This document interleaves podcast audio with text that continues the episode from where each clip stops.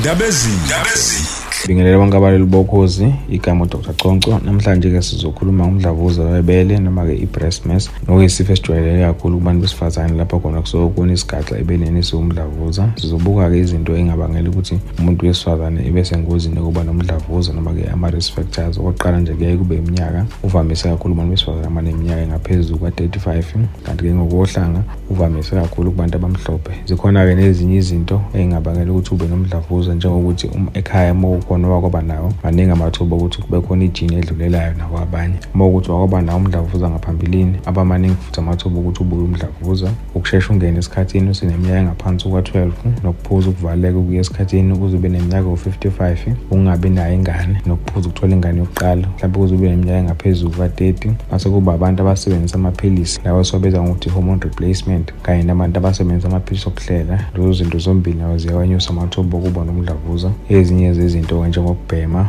ukuphuza kakhulu utshwala kanye nokuba mkhulu ngomzimba nawo kuyawanyusa amathuba bese sibheka ukuthi umdlavuza lona uyiveza kanjani noma iziphi iy'mpawu obona ngazo ukuthi unomdlavuza. Isikhathi esiningi ngijwayele ukuba khona isigaxa ebeleni kuyenzeka sibe buhlungu kwesinye isikhathi singabi buhlungu noma kube khona uketshezi oluphumayo noma i-discharge ephuma ebeleni kuyenzeka ibe mhlophe kwesinye isikhathi ibe yelo kuyenzeka futhi kube khona ushintsho ngaphandle esikhumbeni kube khona ukuvuvukala noma kube khona iy'londa noma kube khona ukudonseka kwengono kube ngathi ingena phakathi. Uma ngabe-ke unomdlavuza kuyenzeka kube nazo ezinye iy'mpawu ey'khomba ukuthi unomdlavuza mhlawumbe njengokwehla emzimbeni nongakuthanda ukudla noma umdlavuza uma ngabe ususabalala emzimbeni kuyenzeka futhi ube nezinye iy'mpawu. Mhlawumbe umdlavuza usabalale wayesifubeni wayeswini noma waye emathanjeni noma waye emgogodleni kuyenzeka uma nezimpawu ey'khomba lokho. Into ebalulekile uma ngabe unesigaxa ukuthi usheshe usondele emtholampilo khona sizo-check-wa into ebalulekile uku-check-a ukuthi isigaxa siwumdlavuza noma asiwona umdlavuza. Kuyaye kuye ukuthi-ke uneminyaka emingaki. Uma ngabe uneminyaka engaphansi kuka-35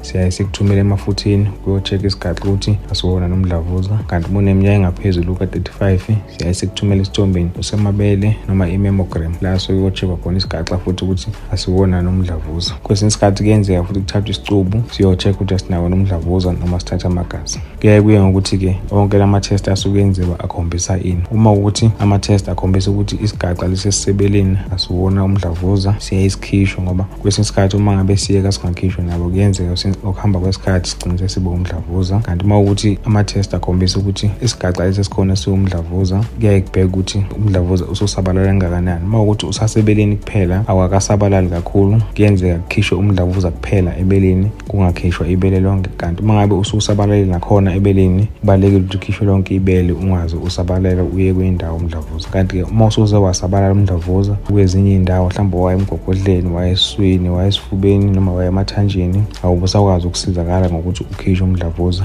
Uyaye uqaliswe imijovo le ebizwa kuthiwa i-chemotherapy noma uhambe uzame ukuthi uyoshisa umdlavuza ngento ekuthiwa i-radiotherapy. Into ebaluleke kakhulu-ke uma ngabe uwumuntu uzaziyo ukuthi usengozini based on ama-risk factors akho mhlawumbe khona umuntu ekhaya onomdlavuza noma ukuthi zikhona mhlawumbe ezinye impawu onazo engakhomba ukuthi unomdlavuza lento esithi i-screening. Usheshe uscreen usheshe usondele emtholampilo beku-check-e enye into ebalulekile kakhulu ukuthi nawe uyigxilonge lento ekuthiwa i-breast examination. Njalo ngenyanga uyi-check-e wena emabele ukuthi azikho ney'gaxa ey'khona emabeleni engakhombisa mhlawumbe ukuthi unomdlavuza. Bese kuthi njalo emva kwenyanga ezisithupha uhambe uyokudokotela naye yoku-check-a amabele ukuthi awunazo ney'gaxa enye into ebalulekile ukuthi ugweme izinto lezi ey'gwemekayo mhlawumbe njengokunciphisa i-weight unciphisa ukubhema kanye nokunciphisa utshwala. Umdlavuza-ke webele uyabahlasela nabantu besilisa kodwa-ke awuvamile. Siyaye sithi mhlawumbe u-one percent kuphela abantu besilisa nabo kuyenzeka bebe nomdlavuza. Kanti-ke nawo nawo uyiveza ngendlela efanayo kuyenzeka umuntu wesilisa ebe nesigaxa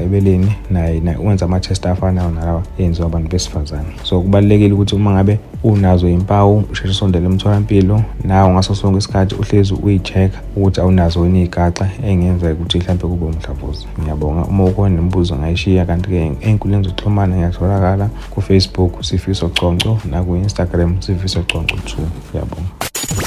Ndabezini njalo ngesonto kusukela ngo-12 kuya ku-3 ekuseni.